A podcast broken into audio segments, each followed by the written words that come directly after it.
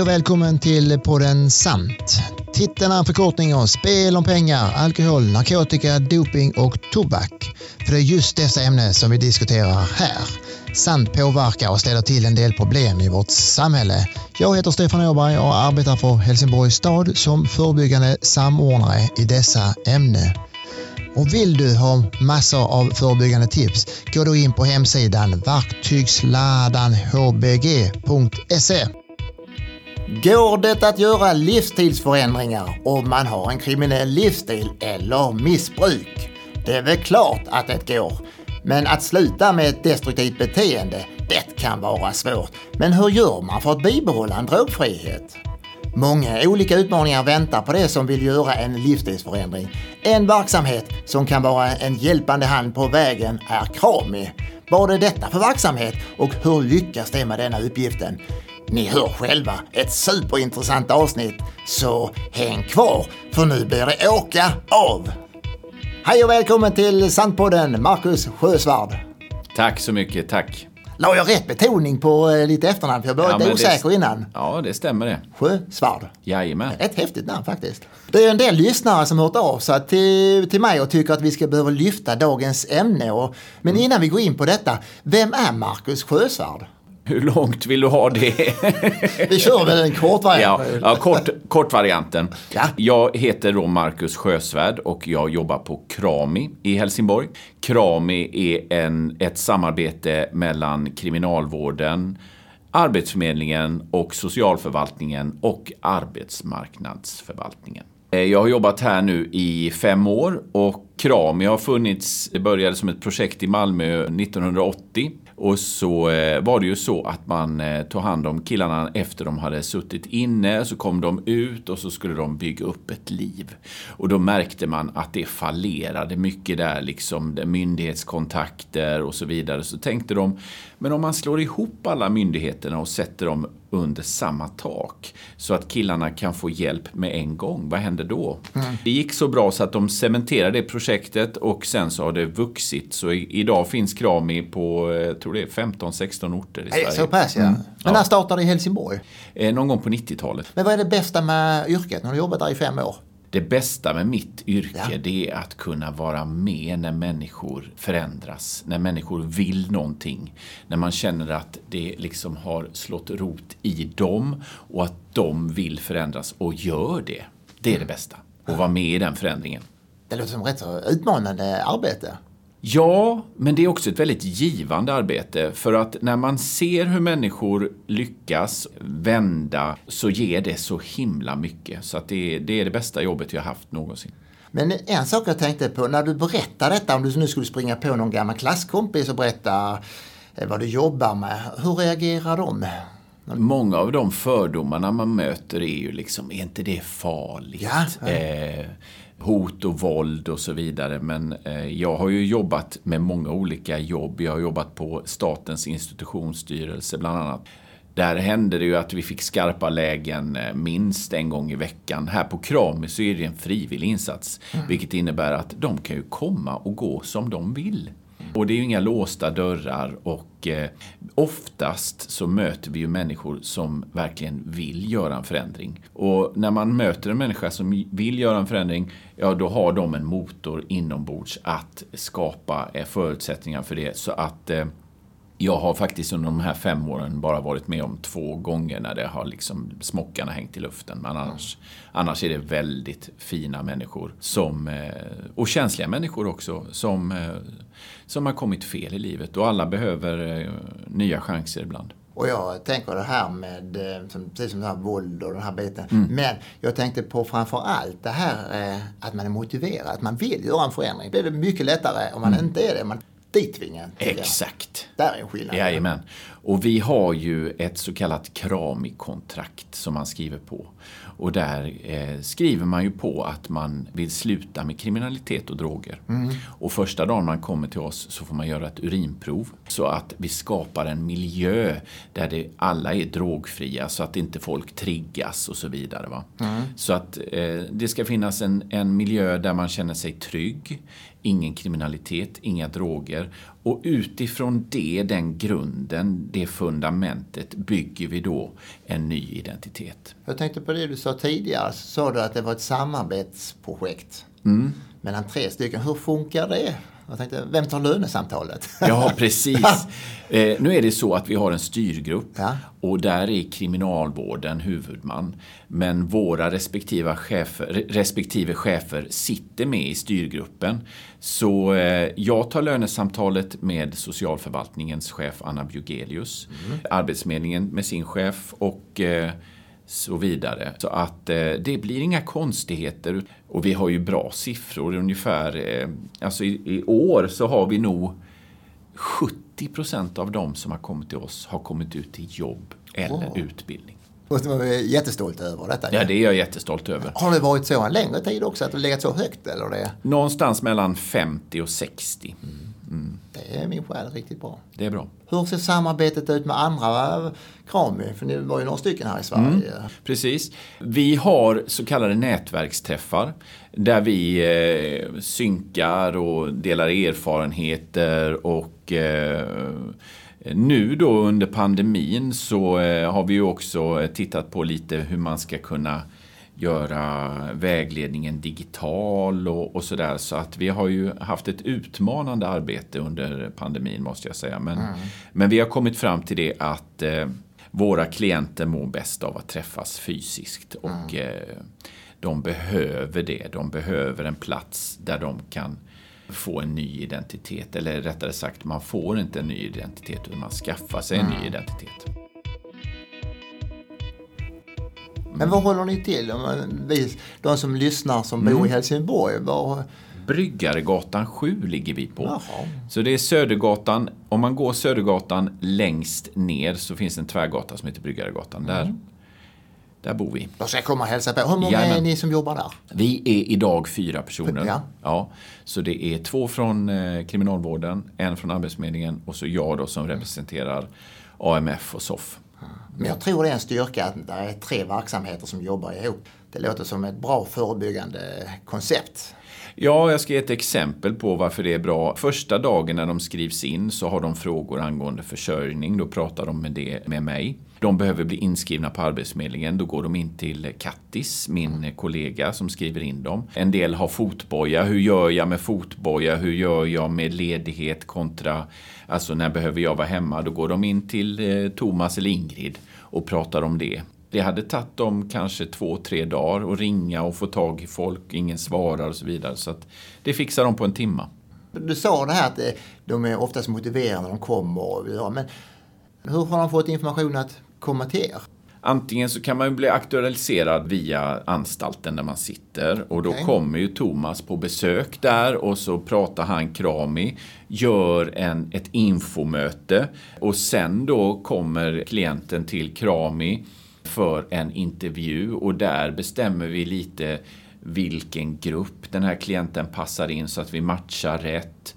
Eh, Närtid är det eh, och så vidare. Vi gör en intervju baserat på också när man börjar med kriminalitet, när man börjar med missbruk, vilken är huvuddrogen, vilka behandlingar har man gått? Och så tar vi och analyserar och kollar hur motiverad är den här klienten och sätter ihop honom eller henne med människor som passar in så att det blir bra dynamik i gruppen. Sen eh, kan de komma från SOF eller AMF och då ringer ju mina kollegor mig. Det kan vara en guide som jobbar på AMF som säger Marcus, nu har jag en kille här. Och då kan man komma in den vägen. Då gör Thomas ett info så tar jag en intervju till exempel. Och där så tar man ju reda också på samma sätt som man gör på anstalten tar man reda på lite var klienten befinner sig så att man kommer in i rätt grupp. Eh, Det kan också vara så att den kommer från Arbetsförmedlingen och Kattis. Sen kan det finnas egenanmälan. Man går in på Kramis hemsida och känner att det här vill jag göra. Man känner att man vill sluta med kriminalitet och droger och man, man vill börja en ny livsstil. Man kanske har gått en behandling så man är klar med det. Men den här identiteten har inte riktigt etsat sig fast. Hur gör jag nu? Vem ska jag vara och hur ska man vara? Och så vidare. Va? Som andra ord så är det ganska många sätt att komma till er. Jajamän. För Jag tänkte på min målgrupp annars generellt som jag jobbar som ANDTS-samordnare så är det mycket jag jobbar förebyggande och till lite mer ungdomar, men ni har en liten annan målgrupp. Ja, alltså ungdomar är ju välkomna om de är 18 mm. och sen upp till 65 då. 18 till 65. Ja, pass, ja. Man eller kvinna.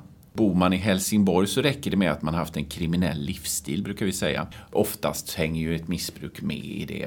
Är man eh, utomsocknes ifrån, familjen Helsingborg eller eh, vidare perspektiv, då får man ta kontakt med sin eh, socialtjänst för att eh, ansöka om en plats. För att då tar nämligen Helsingborgs kommun en liten avgift för detta. Och då behöver man också vara aktuell inom kriminalvården, säger vi, så att man har alla tre stycken myndigheterna. Mm. Så man behöver inte bara komma från Helsingborg? Nej, vi har nu, eh, alltså per år har vi väl en ja, drygt tio från andra kommuner ja, ja, Som, som skrivs in. Och Krami som du sa innan, det finns ju många andra kommuner också. Så, Jajamän. så bor man lite längre. Ja, ett exempel kan ju vara att Stockholm ringer och ja. så säger de att vi har en kille här som vill hoppa av ett gäng. Han vill byta livsstil. Han vill sluta med kriminalitet och droger. Och så fixar vi in honom på Kram i Helsingborg. Mm. Mm. De som kommer till er, eh, vad säger ni till? Är de besökare eller kunder eller klienter? Eller vad, vad, alltså vi, vi sä, jag säger ju klient, från socialtjänsten brukar ja. vi ju säga klient. Men på Krami säger vi deltagare. Det, ja. Mm. Mm. Vad eh, tycker de själva? De tycker nog att de är deltagare. Och vi är ju väldigt noga med att svetsa samman gruppen.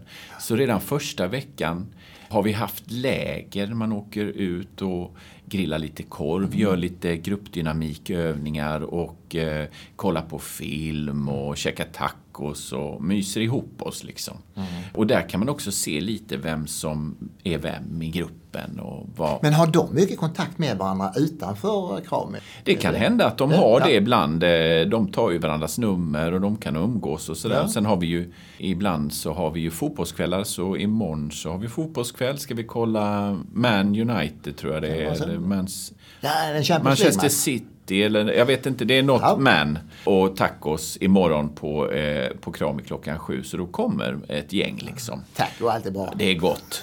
eh, och sen eh, har vi ju då träning på torsdagar och sen har vi alltid matlagning på tisdagar, mm. även om det inte är fotboll. Så med andra ord så har ni ganska många olika saker som ni bidrar med eller som eh, man kan komma till er med. Det är både matlagning och sammanhållning, mm. grilla korv och sen är det med jobb och behandlingar. Och där tänkte jag lite grann, vad erbjuder ni mer för någonting? Eh, jag tänkte ni har väl lite kurser och samtal och lite annat? Ja men verkligen. Vi har ju en eh, tre veckors vägledningskurs. Där går vi igenom eh, till exempel hur blir man som man blir? Vi pratar lite utvecklingspsykologi och inlärningspsykologi. Det här med liksom arv och miljö, att man påverkas av den familjen man har växt upp i. Och på så sätt också så får man vissa vanor med sig. Sen kompisar blir mer och mer viktigt. Och skola, arbete. Men även de normerna som den här eh, subgruppen som man umgås i mm. eh, påverkar ju. Och eh, sen pratar vi lite genetik och, och musikalitet. Är ju ärftbart. Mm. Eh, medans missbruk finns ingen gen, det finns ingen missbruksgen. Däremot finns det en ärftlig sårbarhet där man kan märka att man kanske har lite högre tolerans, man tycker det är lite roligare och så vidare. De sakerna pratar vi om och då kommer vi också in på det här med konsekvenser, alltså mm. positiva och negativa konsekvenser. För att oftast när man tänker konsekvens tänker man negativt, men det finns ju också positiva konsekvenser. Anledningen till varför man börjar knarka är ju oftast för att man får positiva konsekvenser initialt mm. av drogen. Det kan vara till exempel att man slipper känna på jobbiga saker, trauma, känslor som man vill undvika etc. Sen, de negativa konsekvenserna kommer ju lite längre fram när man helt plötsligt blir beroende och relationerna kanske misslyckas och skolan blir lidande eller arbetet blir lidande. Man får eh, ingen vårdnad om barnen, man förlorar sitt arbete, man kanske blir hemlös. Det är ju saker som kommer på lång sikt. Så vi pratar lite om det här. För människan, vi har ju inte utvecklats särskilt mycket från grottmannastadiet. Vi tänker väldigt kortsiktigt.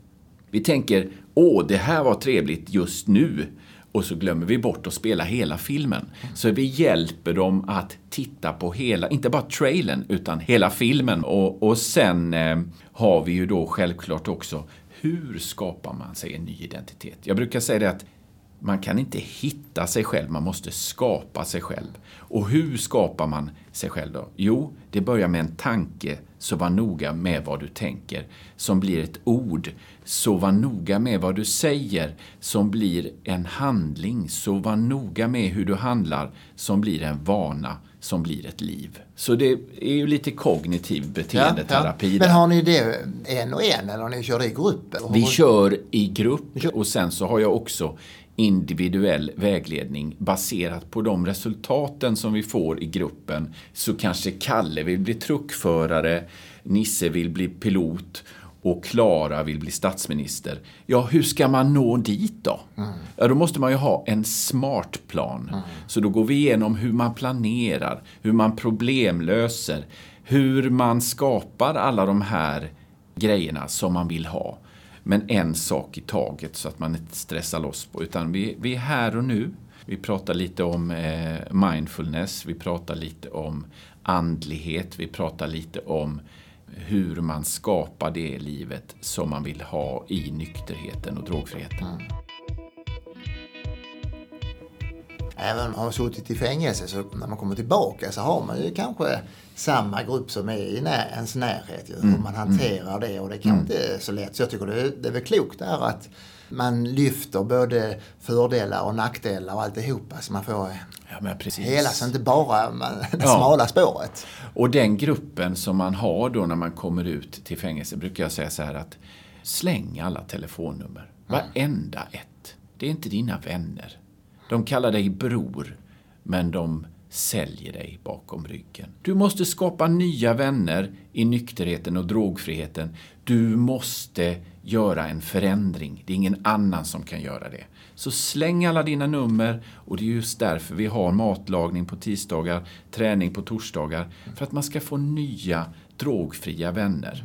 Jag själv har haft ett drogmissbruk och en kriminell livsstil som jag har förändrat. Jag har varit hemlös. Jag har gjort hela den här resan. Så jag tar med mig grabbarna på lunchen och säger, är det någon som vill gå på ett NA-möte? Och där pratar vi om det som man inte vill prata om. För de här killarna och tjejerna, de har hela livet gått och haft en ryggsäck som är jättestor. Mm. Och den måste de lasta av sig. Och det är det som är så härligt med eh, anonyma narkomaner. Att där stannar det. Det är ingen som går och snackar skit om det innan, utan man går ner, lastar av ryggsäcken och så låter man det brinna upp i ljusets låga. Och sen så känner man sig lite lättare. Och då behöver man inte ta droger. Hur länge har de, brukar de ha kontakt med er? Innan det avslutas? Eh, alltså vi har killar och tjejer som har varit hos oss i tio år som har kontakt med oss. Okay. Så att det blir liksom en livslång... Eh, ah. Man kommer på maten fast man har jobb och familj och sådär. Så man tjena, tjena. Och så ser de nya, ah det funkar. Mm. Här har vi en som har gjort en förändring för tio år sedan.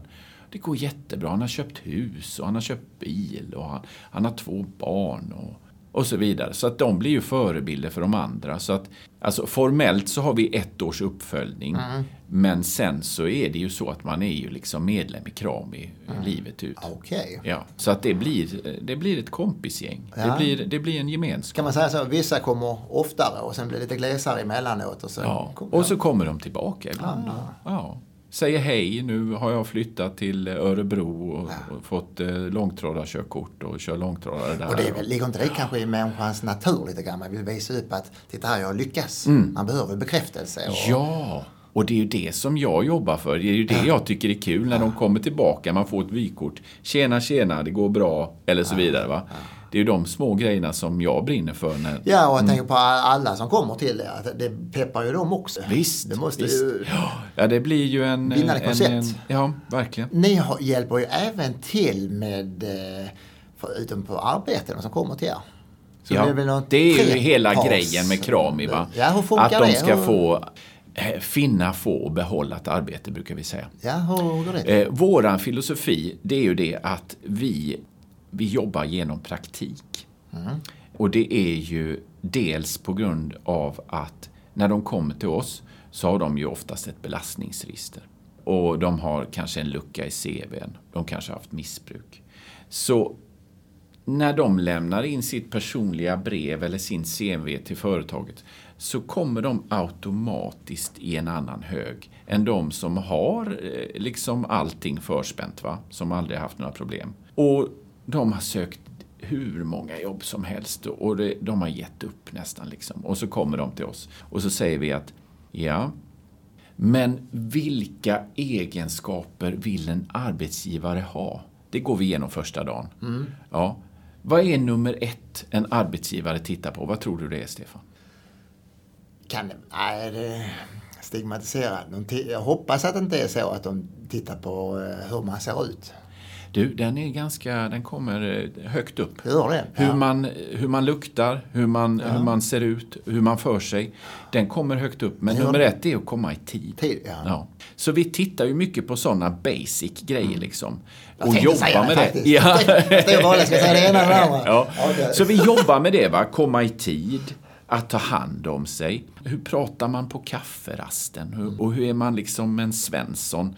Eh, de har ju haft ett helt annat liv där de har pratat om helt andra grejer. Så att det handlar lite om att socialisera om sig. Och sen då så har vi ett sätt där vi hjälper dem att ta kontakt när de har skrivit CV och personligt brev. Och vi har också sagt så här till dem att man måste ha en manus vad jag säger om min bakgrund. Om någon frågar dig så här, du, du har luckor i CVn här och, och har du något belastningsregister? Ja, vi, man kan ju inte ljuga när man går till Krami liksom, för att vi är ju ett samarbete ja, mellan ja, ja. kriminalvården, Arbetsförmedlingen och eh, socialtjänsten. Så att då måste de ha en Alltså jag ska kunna ringa dem mitt i natten så ska de kunna rabbla det. Va? Mm. Eh, så var och en får en individuell plan. Jag själv till exempel, jag kommer ihåg när jag kom ut från en tolvstegsbehandling och var jättestolt över att jag var drogfri och nykter. Så det var det enda jag pratade om på anställningsintervjun. Det var ju att jag hade sex månaders drogfrihet. Jag var färdigutbildad socionom och hade massa kunskaper. Men det enda de hörde det var ju när tar han nästa återfall? Så jag tonade ner det när jag hade anställningsintervju hos SIS. Jag kommer ihåg, jag sa ingenting om det. Och jag hade inget belastningsregister heller. Jag fick jobbet med en gång. Så jag brukar säga det att ni ska inte ljuga, men ni ska inte heller göra det till er identitet, utan tryck på vad är det som ni kan bidra med till det här jobbet? Mm. Vad är era positiva sidor? Och, och så vidare. Va? Och sen säg så här, jag har gjort dumma val i min historia, men jag har valt att göra bra val nu och ge mig själv en chans. Jag hoppas att ni kan ge mig en chans också. Och det vill ju jag visa i en praktik. Så om jag visar framfötterna här, låt oss säga i två veckor, kommer i tid, sköter mig och så vidare, så kanske ni kan anställa mig sen. Mm. Så slipper ni också kostnader för annonser i tidningen och mm. någon som ska sitta och intervjua massa folk och sådär. Va? Och förvånansvärt många säger ja. Ah, vad roligt. För människor, är, vi vill ju hjälpa mm. till. Vi vill ju. Alltså det ser man ju bara nu på Ukraina-krisen. Mm. Vilka stora hjärtan människor har. Och en av tre brukar man säga. Om du går på gatan och den, var tredje person du träffar har någon i sin närhet som har haft missbruk. Så det är en folksjukdom. Så att människor har ju någon slags anknytning till det här och vill göra väl. Så det är fantastiskt hur, eh, hur många arbetsgivare, och vi har ju kontakt med en del företag som är klockrena, som vi brukar liksom använda och sådär en stor eloge till er mm. och till, även till eh, alla företag. Men hur lång är en praktik? Den kan vara mellan två veckor och ett halvår. Okay beroende lite på vad den ska leda till, vem personen är, vad han eller hon har för förutsättningar, vad företaget tänker och hur vill de testa den här personen och så vidare. Så att eh, det är väldigt individuellt. Men en fördom som vi har bland våra deltagare det är ju att ah, de kommer utnyttja mig och jag blir utnyttjad och får ingen lön. Så brukar jag säga det, du, men var, var är du nu någonstans? Hur mycket pengar tjänar du i månaden nu? Ja, då har de försörjningsstöd då. Vad kan hända? Vad är det sämsta som kan hända? Att du får en tusenlapp mer i månaden. Att du får en CV som blir större. Att du får en erfarenhet som du kan använda när du söker jobb. Så jag försöker vända på det här liksom, att man känner sig utnyttjade och sådär. Till tillfälle verkligen att mm. lyckas och att visa framfötterna och sådär. En chans. En chans, ja. En chans. Jajamän. Hur ofta är familjen med om man nu har barn eller en sambo? Kommer de också till er eller är, Nej. är det en individ? Det är en individ som kommer till okay, oss. Ja. Sen så är det ju så att oftast så är ju en hel familj drabbad när man har kriminalitet och missbruk. Det brukar jag göra väldigt klart för våra grabbar och tjejer att har ni barn och ni tar återfall under er tid på Krami så gör jag en orosanmälan på det och det gör jag för era barn. Det är barnens behov i centrum. Så att eh, det är jätteviktigt att göra dem medvetna om det.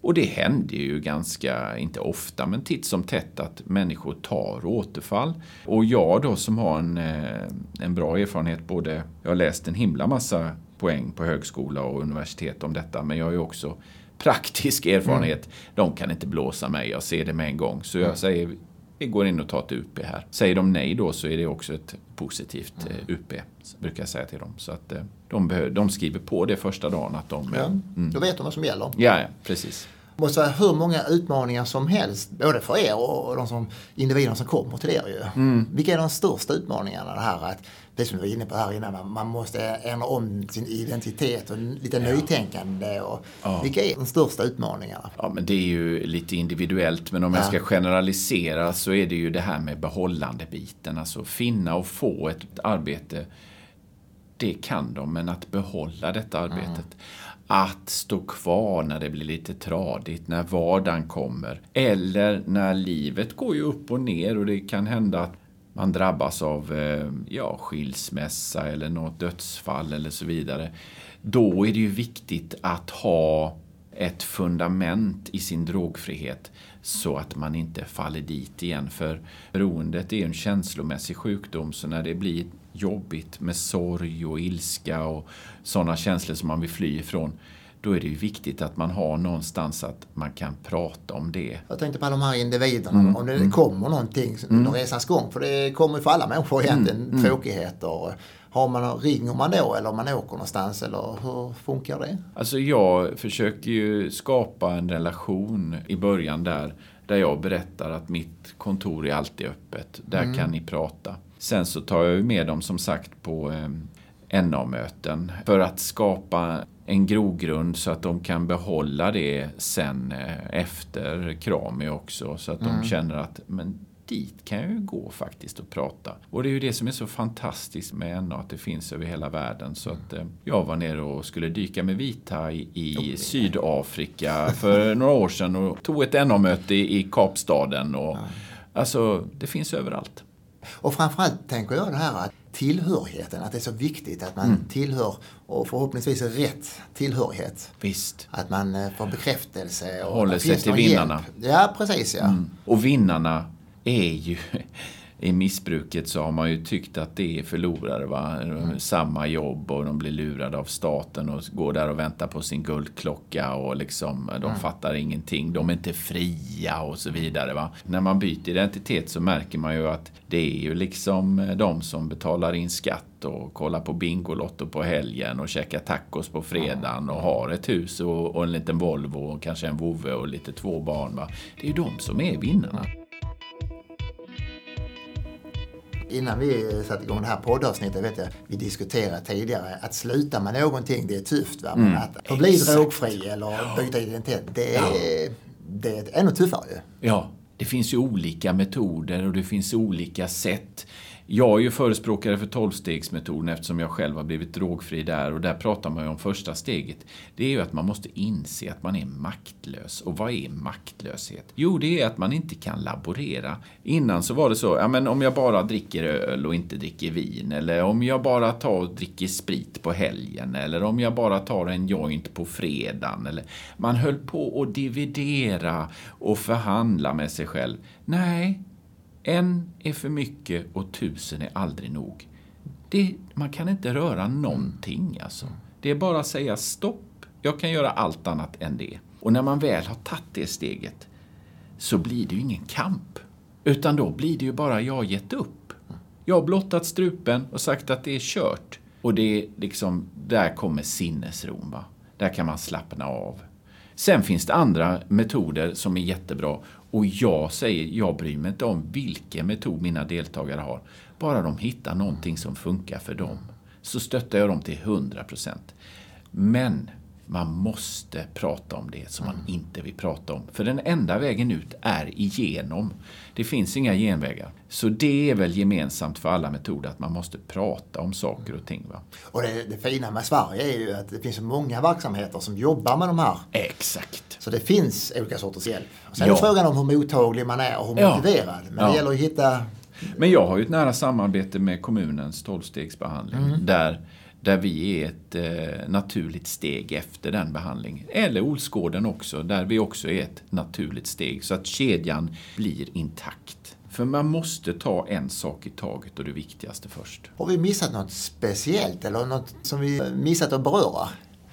Säkerligen. Jag, har, jag skulle kunna sitta här hela dagen, men, men eh, jag tror vi har tagit eh, de största grejerna. Vi kanske ska göra sån här Sandpoddens längsta avsnitt någon gång sen. Ja, precis. Maratonpodd. Maraton, ja. Ja. Men det kommer kanske. Mm. Vi får väl se. Hur ska vi summera detta tycker du Marcus? Jag tycker att det som är viktigt när man gör en förändring, det är att den kommer inifrån.